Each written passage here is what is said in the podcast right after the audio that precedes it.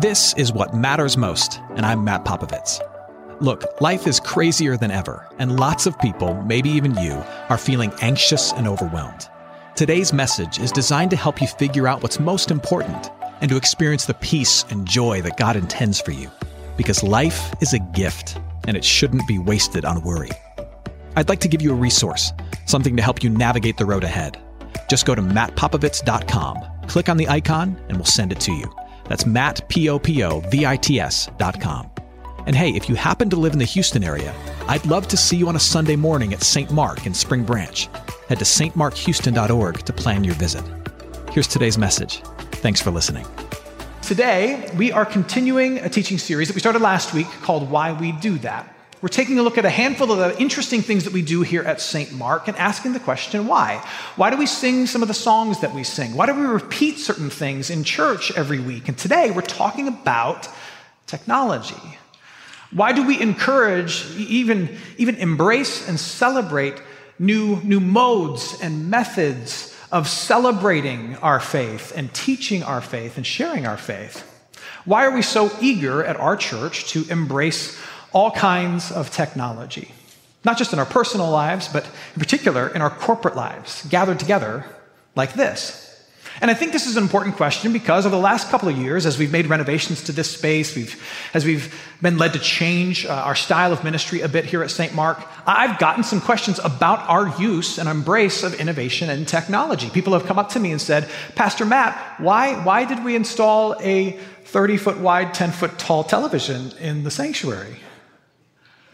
Why do we use lights that move? And sometimes there's even like a little bit of haze in the room that helps you see the lights. Like, why do we do that? Why do you encourage people not to put their phone away in church, but to take out their phone and use it? Why do you tell new people to text, uh, text us if you're a guest with us? Why do you take an iPad, a device, up with you on this chancel, on the stage, to lead us in worship? Why do we live stream the service instead of forcing people to come and sit in the pews next to me? Why do we do all of these things and more? Now, the answer I'm going to give to these questions that I've received over the last couple of years might to you seem too simple, if not kind of glib and sarcastic, but it's the real answer. The reason we embrace innovation and technology as the people of God here at St. Mark is because we believe that God has told us to. R- really and truly. That He's not just told us to do it, but He's told His people throughout time throughout space to embrace innovation and technology. Genesis chapter 1, verses 26 and 28. Some people refer to these verses as the culture mandate or the creation mandate. If you grew up going to church, these words are going to seem, sound very familiar to you. Let me read these Genesis 1 26 and 28. God is creating all things, and then he gives this charge, not just to Adam and Eve, but, but to all of humanity. And this is the charge that he gives. He says, let us make man, mankind, in our image after our likeness. So there's something of humanity that resembles or reflects the character and nature of God that you can't see in the rest of creation. What does it mean? And let them have dominion. So part of being made in the image and likeness of God is to have dominion or to, to reign and to rule in some small capacity over creation. God said to them, Be fruitful and multiply, create families and cities and communities, fill the earth and subdue it. Subdue is a strong word, it perhaps has a negative connotation. What it really means is to cultivate it. Fill the earth and cultivate it and have dominion, rule over it. God is saying, Look, I made everything out of nothing, but the thing that I've made out of nothing, I'm giving to you. And you're made in my image. And since I'm a maker and a creator, you are makers and creators too. You take what I have given to you and you cultivate it. You subdue it, meaning you, you draw its potential out of it. I've given you something, make it into more. You are made in my image. Subdue it, have dominion over it. That is the, the culture mandate. You could say it's the innovation and technology mandate because the first time someone figured out how to make a shovel and dig into the ground, they've created technology. That's technology. That, that's innovation. They dig into the ground and they find a seed, they throw it into the ground. That's innovation. That, that's technology. They're living out this mandate, and it's only grown from there. God said, I made all things, you make more of it because you reflect my image. Bring more blessing out of it. Now, we know what happened later in the story. Mankind rebels against God's reign and rule over them, and we welcome sin and destruction and all kinds of dysfunction into our world. And that dysfunction found its way into our ability to live out this culture or creation mandate. So, so since the very beginning, not only have we brought good things out of the earth that God has given to us, not only have we innovated in amazing ways, but we've also done terrible things. We have embraced this mandate to our own harm, to, to, the harm of our neighbor, to the harm of our planet, to the offense of our God. But nonetheless, we have brought out good things too. What are some of the, the innovations and technologies of life in the modern world that you enjoy the most? Well, what are some of the innovations and technologies that you enjoy? Think of it. But, but when you think of it, I want you to draw a line back to Genesis chapter 1. This is what we were called to do to draw complexity and beauty, blessing and, and, and joy out of this creation that God has given to us. That's the mandate that's been given to all of humanity.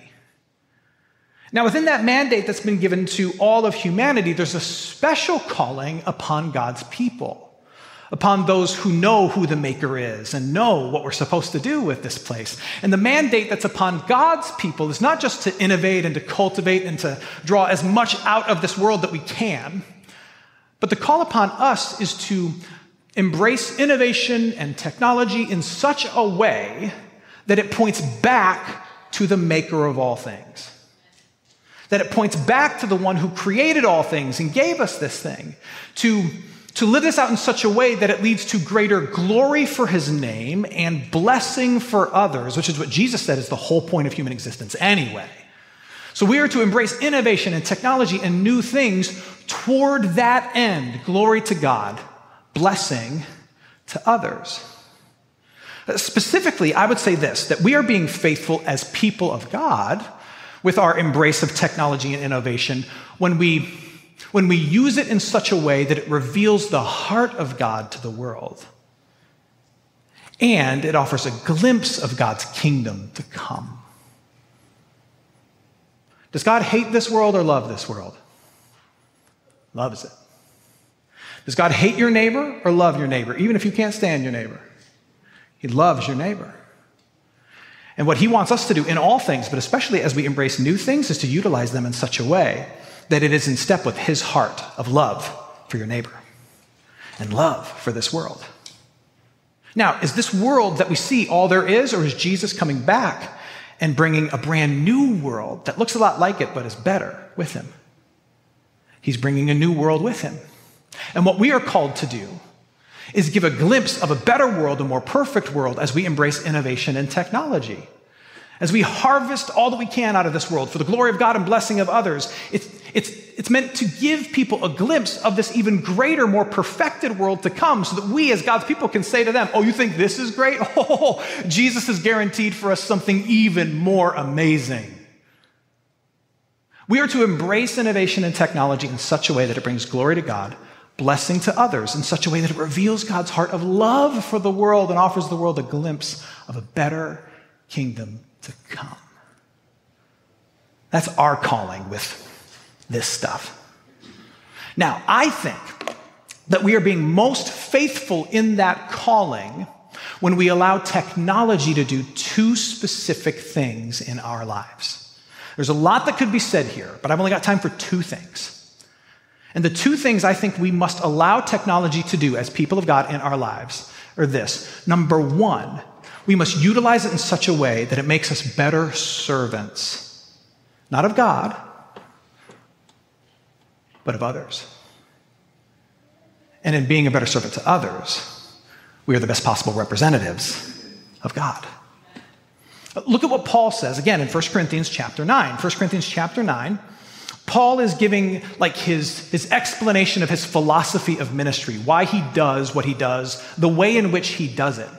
And the point Paul makes in these verses that I'm about to, to reread to you is that Paul understands that through the work of Jesus Christ, he doesn't owe anybody anything. He doesn't owe God anything. Did you know that? Through Jesus Christ, you owe God nothing. He demands nothing of you. Through Jesus Christ, He looks at you and sees somebody that He already completely and fully accepts and loves. You don't owe Him anything, He just loves you. You also don't owe your neighbor anything. You don't have to be a certain kind of neighbor, a certain kind of friend, a certain kind of spouse, a certain kind of, of coworker in order to be worthy of the grace that you've received or to somehow prove your faith and your salvation. You don't owe anybody anything. What Paul says is, I know that I don't owe anybody anything, but instead I've chosen to live a life of service and indebtedness to the people around me, showing them how much God loves them through me. 1 Corinthians 1, he says, For though I am free from all, I am free from all people, I have made myself a servant to all people why? That I might win more of them. I might draw them closer to God in Jesus Christ. I have become all things to all people that by all means I might save some. And he goes on to say, whatever tactic, whatever tool I can discover that's going to make me a better servant or a bigger blessing to other people, I'm going to embrace it. And you and I, we're invited to have the same attitude. You are free from everybody too. You don't owe anybody anything. But you are invited to use your freedom to serve other people, to say, My life is not my own. I'm going to live it in love for other people. And in doing so, reflect a little bit of the love that I've given, been, been given in Jesus Christ and be the best possible representative of Jesus to the rest of the world. I'm going to live my life using and doing whatever I can to bring blessing to other people in Jesus' name. And there was a time in history in which the church, like the capital C church, was known for being the best organization in the world for using innovation and technology to bring blessing to others, especially hurting people. I've talked about this before, but it's worth marveling at and mentioning again. You, you know, the modern hospital that we all go to when, when our health goes haywire, or the modern university, one of which I just took my daughter on a tour of yesterday. What we know as a modern hospital and a modern university, those are all developments of the Christian church. Did you know that? That it was people of faith gathered together saying, we need a place where we can nurture sick bodies into health. They created what we now know as the hospitals, where we need to nurture and encourage and tease everything we can out of the human mind. They created what we now know as universities. That's the outgrowth of people of faith. Maybe you didn't know this, but people of faith right now are leading the way in using new technologies, using innovation to bring clean water to developing nations. People of faith are innovating ways to care for vulnerable people, especially those that are in the womb or outside of the womb. No one in the US provides more prenatal care than the Christian church. No one. A couple months ago, I met a, an incredible woman named Katharine Hayhoe. She is a PhD climate scientist. She's also a pastor's wife here in Texas. And she is leading the way, not just in the Christian world, but in the scientific world, in helping people to understand and discover new ways in which people can care for and be better stewards of our planet. And she's driven by her faith. She says, The reason I'm a climate scientist is because I'm a follower of Jesus Christ. She said that to me personally. I can't not do this. And it's because I'm a follower of Jesus Christ and because I'm called to love my neighbor. And the best way I can love my neighbor is making sure I figure out every piece of technology that we can to help serve the planet that God has given to us. Hey, friends, it's me, Matt, and with me is Rachel. Hey, guys. And we're here to tell you about What Matters Weekly, a newsletter from MPM. Rachel, if they sign up for the newsletter, what do they get? Well, each week they'll get original content from you sent straight to their inbox, curated links from around the internet, and the latest on all things MPM, including episodes of this program, What Matters Most, as well as our podcast, Make It Simple. And here's how you sign up head to mattpopovits.com and click newsletter. That's Matt Popovits, M A T T P O P O V I T S.com, and click newsletter. Yeah, and we'd love to stay connected with you every Friday with What Matters Weekly. Now, back to the show. I'm going to ask a different question. Everybody else is asking, how can I use this thing to get more of what I want? I'm going to ask a different question. How can I use this thing to make somebody else's life better? That's the question people of faith ask. And when we ask that question, we are being faithful to our calling to embrace technology and innovation. We are revealing God's heart of love for all people, especially those who have less than you. And we are giving a glimpse of a world to come where everyone will have what they need in abundance. And blessing will be found everywhere. Now, not only are we being faithful to this calling when we we allow technology to make us better servants of others, but we are being faithful in this calling when we allow technology to make us better storytellers. But not just of any story, you know what I'm about to say. Better students of and proclaimers of the most important story the story of God's love for you and for your family and for your friends. Look again at what Paul says, 1 Corinthians 9 Picking up at verse 22 through 23. He says this I've become all things to all people, that by all means I might save some. Here's why he does it I do it all for the sake of the gospel, for the sake of the story of who Jesus is and what he's done, so that I may share with them in its blessings. I'm doing everything I can to make sure that this story of the person and work of Jesus Christ gets out. And I want it to bless not just me, but every single person that I encounter. Paul's passionate to use every resource he can to tell the story of Jesus so that as many people as possible can grow in it and grasp it and be blessed by it. And for thousands of years, that's been the same motivation in the church. Lay hold of every innovation we can so that we can all be excellent students of this story, but so that we can be excellent proclaimers, tellers of this story. That's why we've done everything that we've done. So when you look at the 13th century, stained glass, which you see in just about every church today, including our own, stained glass became a, a well known art form in the 13th century. Churches started to use it. Why? Not just because it was pretty when the light came through it, but because most of the world was illiterate. And you could use stained glass to tell stories that people couldn't read. You could take the story of salvation, you could bring it to life in the window so that people could walk in and go, Who is this? Well, that's Moses giving the law. Who is this? Well, that's Jesus saying that he's greater than Moses. What's this? That's Jesus dying for you and being surrounded by the, by the women at the cross. What's this? Well, it's Jesus resurrected for you. That's why we did it. It was innovation, technology used to tell the story. For thousands of years, Christians have used candles and incense in worship. Why?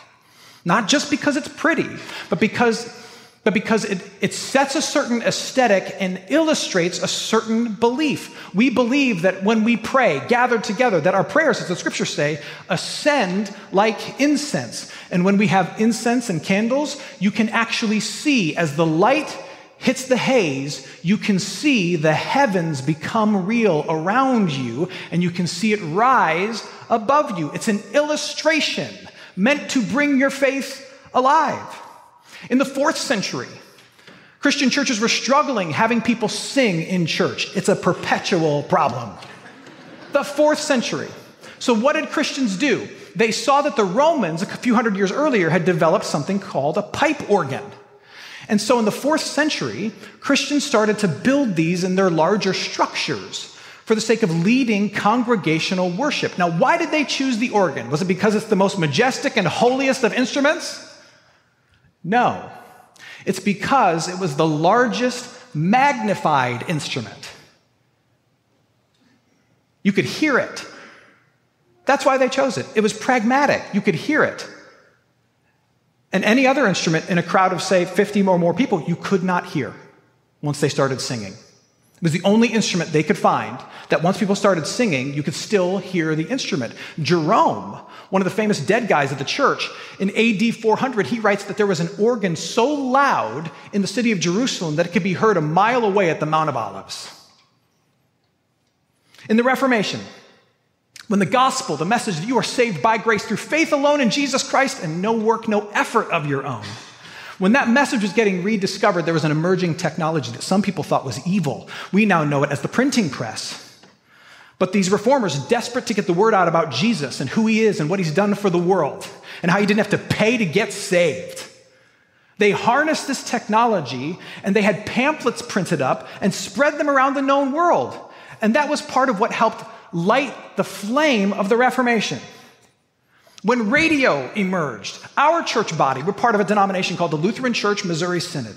Our church bo- body founded one of the very first Christian radio stations in the United States, and it's still going today. They launched a show on that, on, on that station that eventually played on like 2,000 stations around the country. It was an hour of preaching called the Lutheran Hour. An hour of preaching, and it became the most popular radio show in the United States. Did you know that? So much so that Billy Graham cited it as influence for his own call to ministry. He wanted to do intent revivals, what Lutherans were doing on the radio. Now, knowing all that, I'll answer your question. Why do we have a big screen? We have a big screen because video is the new stained glass and it tells the story. Why do we have lights and why do sometimes we have some haze in the room?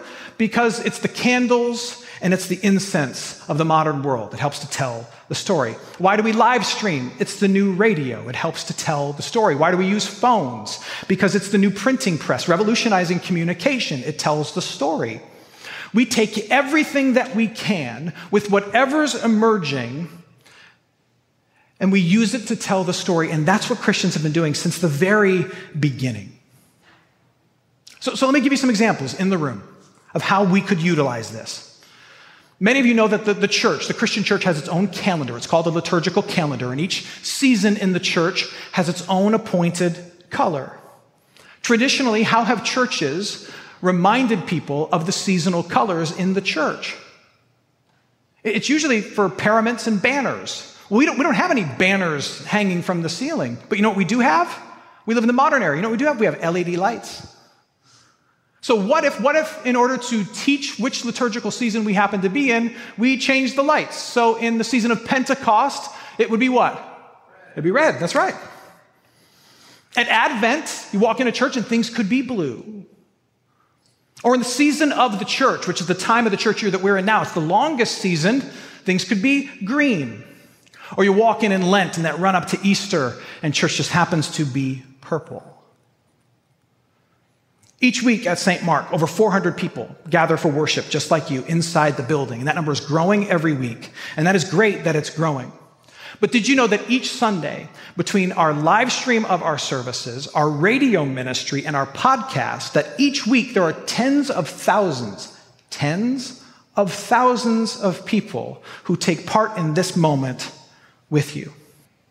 But you, people of faith, you can offer an alternative. You know the God of the universe, and you know that this stuff that we create, that we make, that blesses our lives, can't save our lives. You know that your life is already saved in Jesus Christ, and you can point other people to that truth. But then you can also embrace these things and use them for a greater good in such a way that it opens everybody else's eyes and says, What do you know that I don't? As you use new things to bless other people rather than just serve yourself, it opens other people's eyes as you use new things to tell a greater story that brings meaning and purpose to this life, it opens other people's eyes. Church, what if we got so good at embracing new things for the right reasons, the rest of the world couldn't help but take notice? The next time they were asked the question, What's the greatest gift that's been given to the world? They didn't point to a device, but they pointed to a community. They pointed to us. They pointed to a people of hope who lived without fear, who loved with every tool and resource that they had, and pointed to something bigger and better and more hopeful than anything they can know on their own. May that come to pass. Let's pray. Hey, it's Matt. I hope you enjoyed what matters most. Here's what I need you to know life is a gift, and it shouldn't be wasted on worry. I want to help you figure out what's most important and to experience the peace and joy that God intends for you. So, for more content, you can head to mattpopovits.com. That's Matt, P O P O V I T S.com. There, you can also support this ministry as well as access your free resource, a little something to help you navigate the road ahead. I'd also love to see you on a Sunday morning. If you're in the Houston area, head to stmarkhouston.org to plan your visit. In the meantime, hit me up on Instagram at mpopovits or at facebook.com slash Ministries. Thanks for listening. Now go and hold tight to what matters most.